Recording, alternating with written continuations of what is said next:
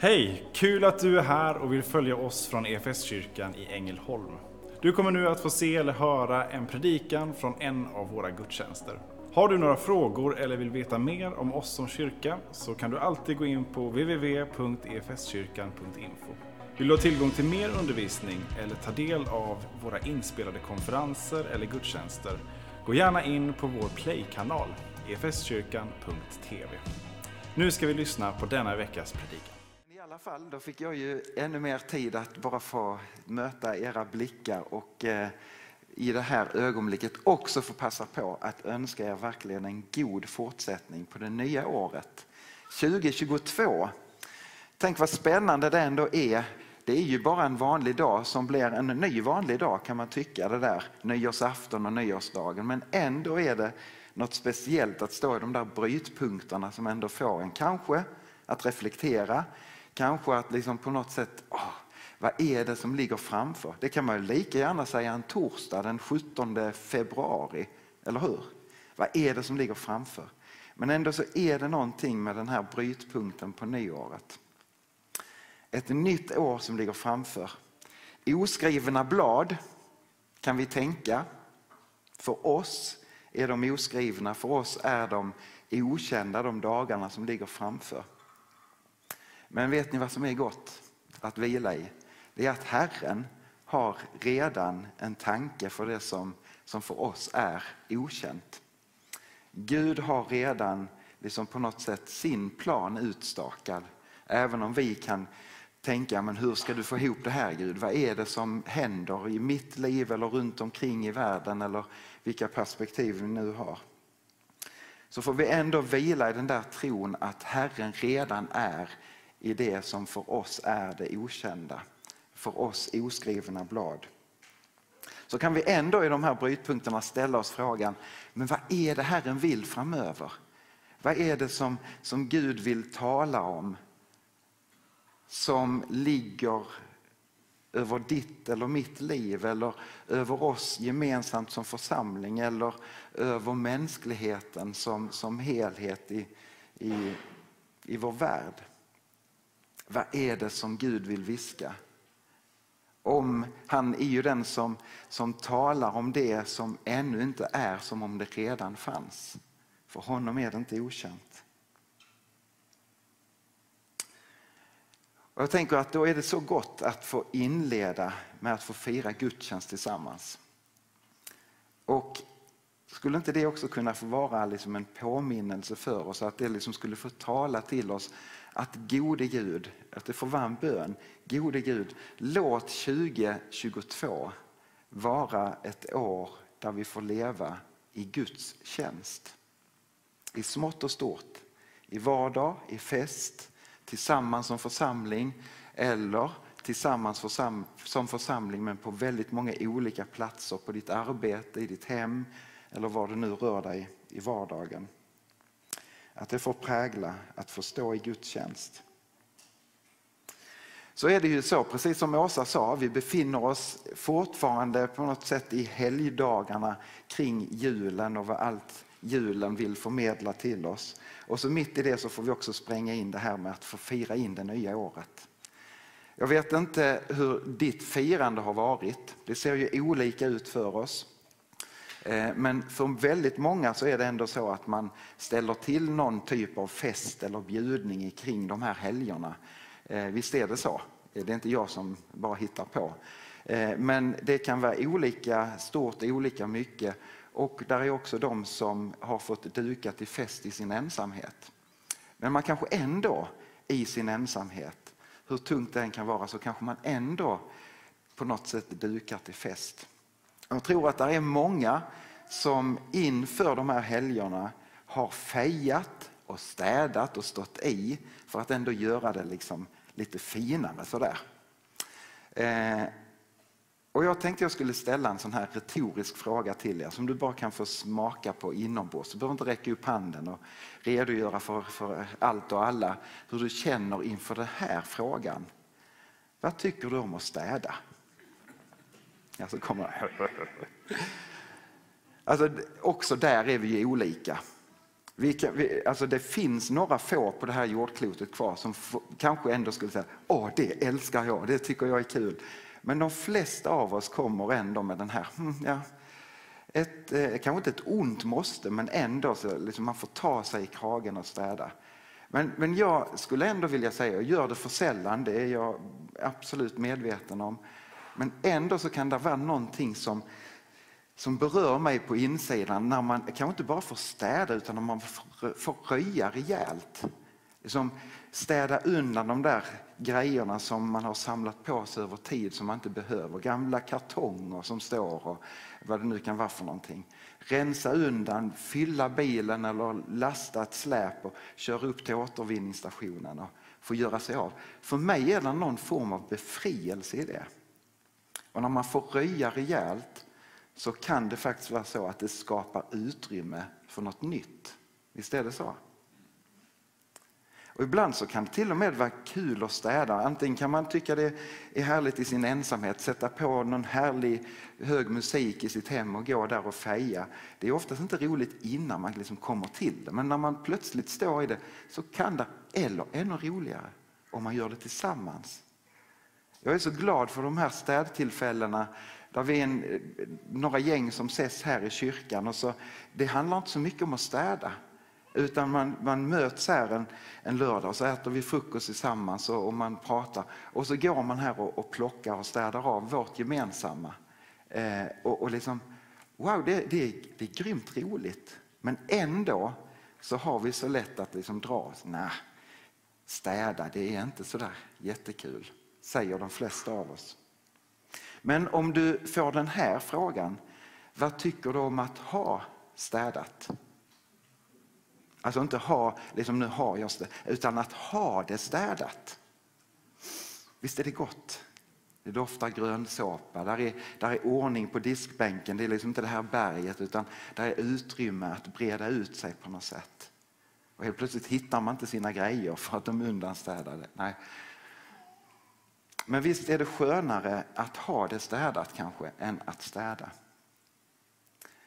I dagens evangelietext så får vi möta Jesus vid ett tillfälle där han röjer och där han städar. Rätt så rejält faktiskt. Och han, han gör det också, tänker jag, för att skapa nytt utrymme. Att få skapa det rätta utrymmet i just, den specifika platsen och tillfället. Och det är tillsammans ska vi få läsa i Markus evangeliet 11. Vi fick stå upp tillsammans och be och inför evangeliet tycker jag också att vi står upp tillsammans. De kom till Jerusalem och han gick till templet. Där drev han ut dem som sålde och köpte. Han välte omkull borden för dem som växlade pengar och stolarna för dem som sålde duvor och han lät ingen bära något med sig över tempelplatsen. Han undervisade dem och sa, står det inte skrivet, mitt hus ska kallas ett bönens hus för alla folk. Men ni har gjort det till ett rövarnäste. Detta hörde överste prästerna och de skriftlärda och de sökte efter ett sätt att röja honom ur vägen. De var rädda för honom eftersom alla människor var överväldigade av hans undervisning. När det blev sent lämnade de staden. Så lyder det heliga evangeliet. Lovad vare du Kristus. Skulle ha sett. Jesus han befinner sig i Jerusalem igen tillsammans med lärjungarna. Och det här tillfället så är det i den här veckan som vi kallar stilla veckan inför påsken. Han har varit där, ridit in i Jerusalem på, på söndagen under palmsöndagen Också på måndagen så återvänder han från Betania tillsammans med lärjungarna och som vanligt så går han till templet. Och så får han då se någonting som berör honom illa. Som, som får Jesus att reagera. Han som kan se igenom ett människohjärta. Han som kan se igenom strukturer och, och på något sätt organisationer som har blivit felaktiga. Och så reagerar han. den korruptionen som pågår kan man nästan säga i tempelhandeln. Det, det liksom vänder sig i magen på Herren. Ni ska tänka att under de här högtiderna så, så är det massor av människor som söker sig till Jerusalem. Och de söker sig dit, inte bara från landet utan från länderna runt omkring och, och staden exploderar av, av folk. Och, och man kommer dit för att söka Herren och för att ta sig till Guds hus, till templet. Och man går dit för att bära fram sitt offer för att på något sätt liksom, ja, på något sätt rensa upp i relationen med Herren. Fortfarande så pågår ju den här offerkulten. Och så har de kanske burit med sig, kanske om de är någorlunda välbärgade så har de burit med sig ett lamm, ett felfritt lamm.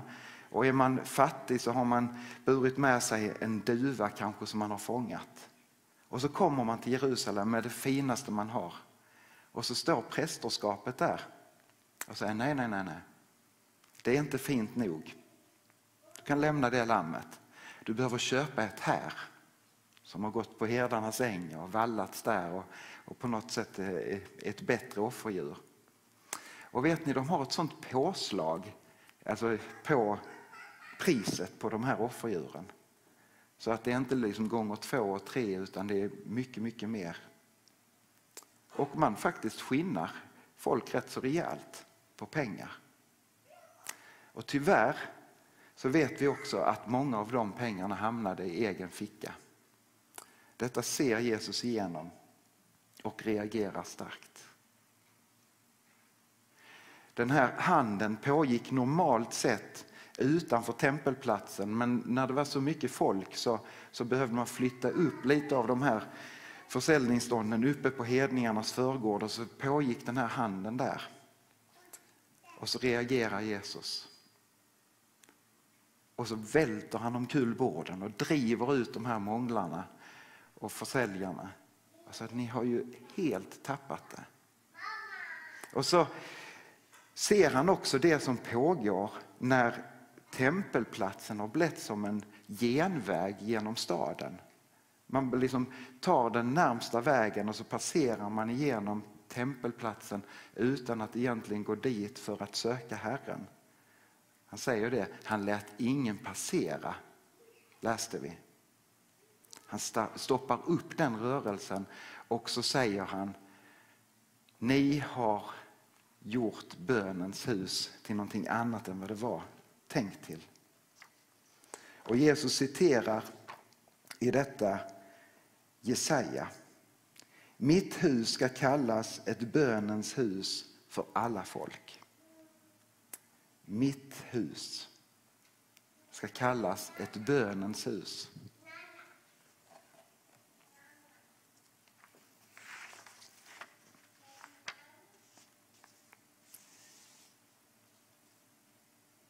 När folk inte söker sig dit av rätt anledning så vill Herren väcka dem till att vända om.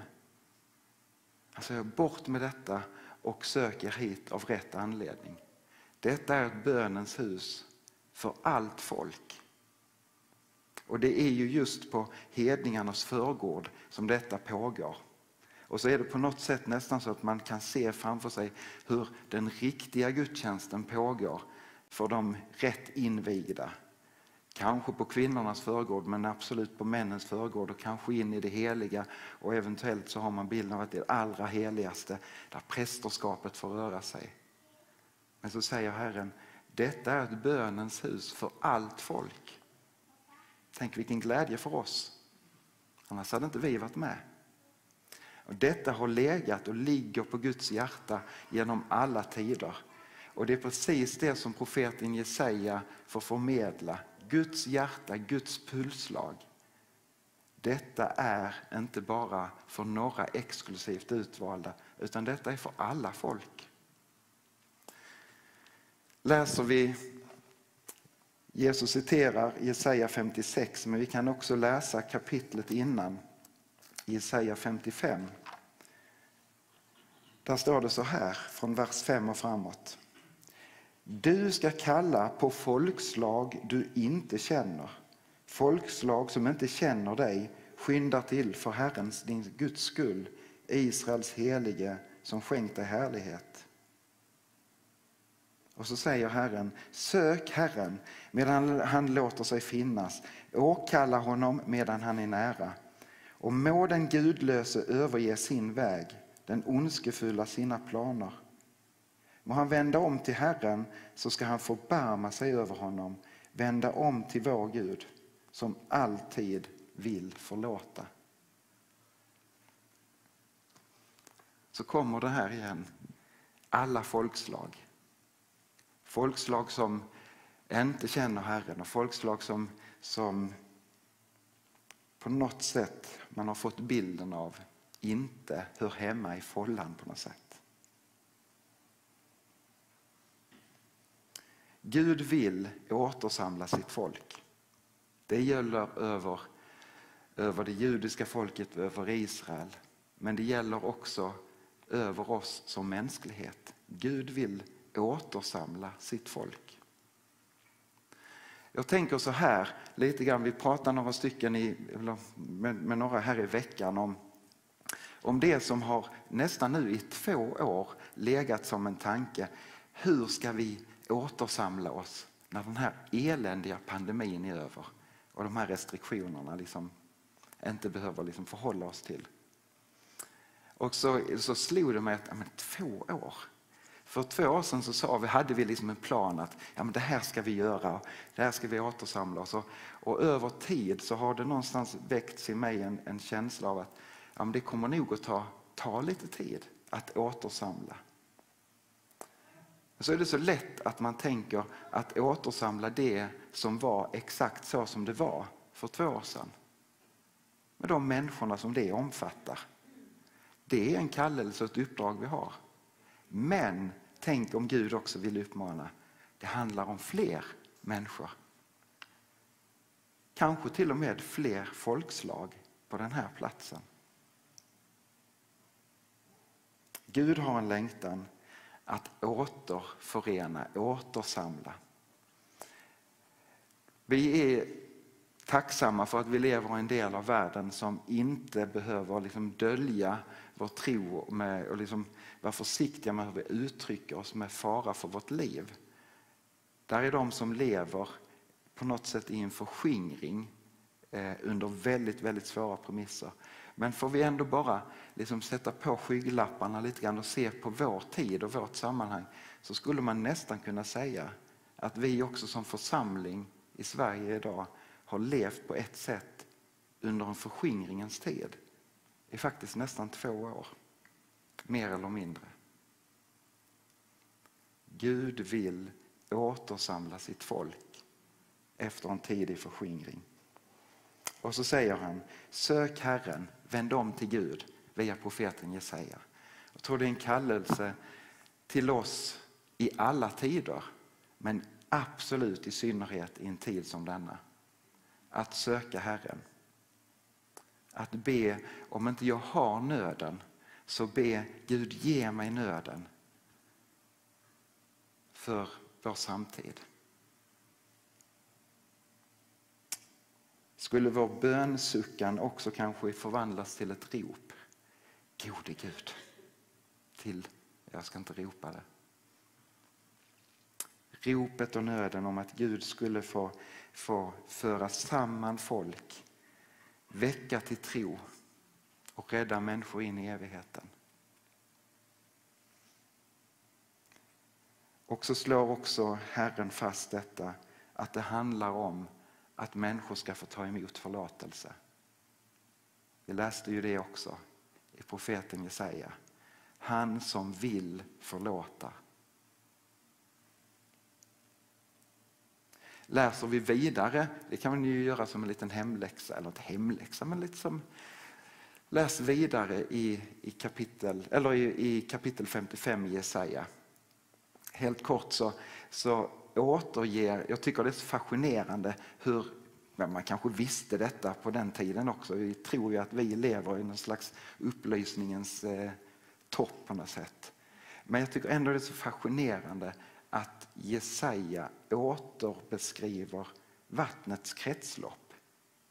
Så, så, så säger han, liksom regnet och snön faller från himlen och inte återvänder dit. Ni kan det här som man lärde sig i skolan. Det regnar på bergen och så rinner det ner i vattnet och så ångas det upp och så blir det moln och så går det runt sådär. Det beskriver Jesaja. Det ska inte återvända till himlen förrän det har vattnat jorden så att grödan kan växa. Och så låter Herren det vara en bild för sitt eget ord. Så säger han, så är det med mitt ord som utgår ur min mun. Det ska inte vända fåfängt tillbaka utan fullt ut verka det som jag har tänkt. Det förhållningssättet kan vi få ha till Guds ord när vi läser det. Men ytterst sett så är det Jesus som är svaret på den profetian. Han som är ordet, ordet som blev människa, skapar ordet, som kom hit och så säger Herren, det ska inte, han ska inte återvända utan att fullt ut verka det som jag har tänkt. Precis som Åsa sa tidigare, han kom inte bara för att födas och leva här utan han kom med ett uppdrag att dö och uppstå för din och min skull. För att sträcka förlåtelse. Och det har skett.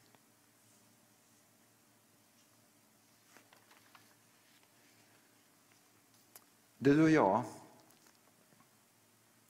kan vi tycka, det är inte så mycket bevänt med oss, men, men tänk ändå i löftet som du har från Herren. När du bekänner Jesus i ditt liv så har han lovat att han flyttar in på insidan av dig med den helige Ande.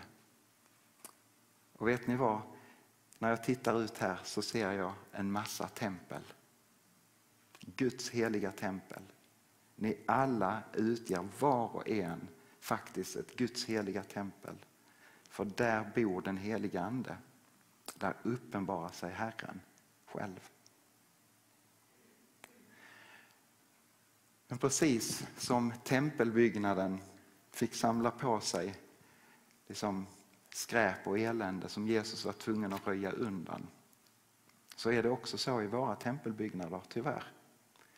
Där samlar på sig över tid bråte som vi egentligen inte vill ha där men som ändå så lätt hamnar där. Och det sköna är, min kära vän, att du behöver inte städa det själv. Men det är ljuvligt att få ha det städat. Och du kan bara få öppna upp och så stiger Jesus in och rensar och röjer och skapar utrymme för något nytt och för det som var tänkt. Måtte också våra tempelbyggnader vara ett bönens hus för 2022 och för den tid vi har framför oss. Som kyrka är det en glädje att få spela en liten roll av allt Gud gör i och genom ditt liv. Vi vill gärna fortsätta följa dig på den resan. Och vill du ta reda på vad ditt nästa steg kan vara på din resa med Gud så gå in på efskyrkan.info nästa steg. Vår längtan är att få se människor och samhällen förvandlade av Jesus. Genom en kyrka som återspeglar Guds hjärta, bär varandra och betjänar människor varhelst vi befinner oss varje dag.